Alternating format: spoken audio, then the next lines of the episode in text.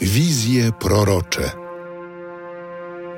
Siedem pieczęci, siedem trąb i siedem czasz, jako zwiastuny wielkiego dnia gniewu Bożego. Rozdział czwarty. Potem ujrzałem, oto drzwi otwarte w niebie, a głos, ów pierwszy, jaki usłyszałem, jak gdyby trąby rozmawiającej ze mną powiedział: Wstąp tutaj, a to ci ukaże, co potem musi się stać. Doznałem natychmiast zachwycenia, a oto w niebie stał tron, i na tronie ktoś zasiadał. A zasiadający był podobny z wyglądu do jaspisu i do krwawnika, a tęcza dokoła tronu podobna z wyglądu do szmaragdu. Dokoła tronu dwadzieścia cztery trony, a na tronach dwudziestu czterech siedzących starców, odzianych w białe szaty, a na ich głowach złote wieńce.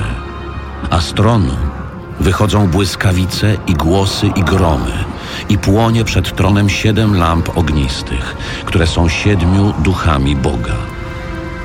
Przed tronem niby szklane morze podobne do kryształu, a pośrodku tronu i dokoła tronu cztery istoty żyjące, pełne oczu z przodu i z tyłu.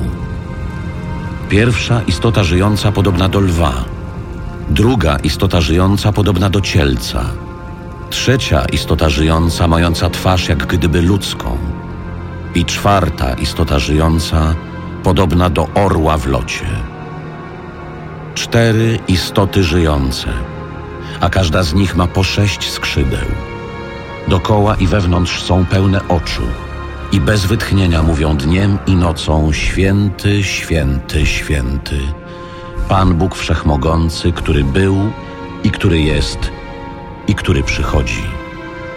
A ilekroć istoty żyjące oddadzą chwałę i cześć i dziękczynienie zasiadającemu na tronie, żyjącemu na wieki wieków, upada dwudziestu czterech starców przed zasiadającym na tronie oddają pokłon żyjącemu na wieki wieków i rzucają przed tron wieńce swe, mówiąc Godzien jesteś, Panie i Boże nasz, odebrać chwałę i cześć i moc, bo Ty stworzyłeś wszystko, a z woli Twojej istniało to i zostało stworzone.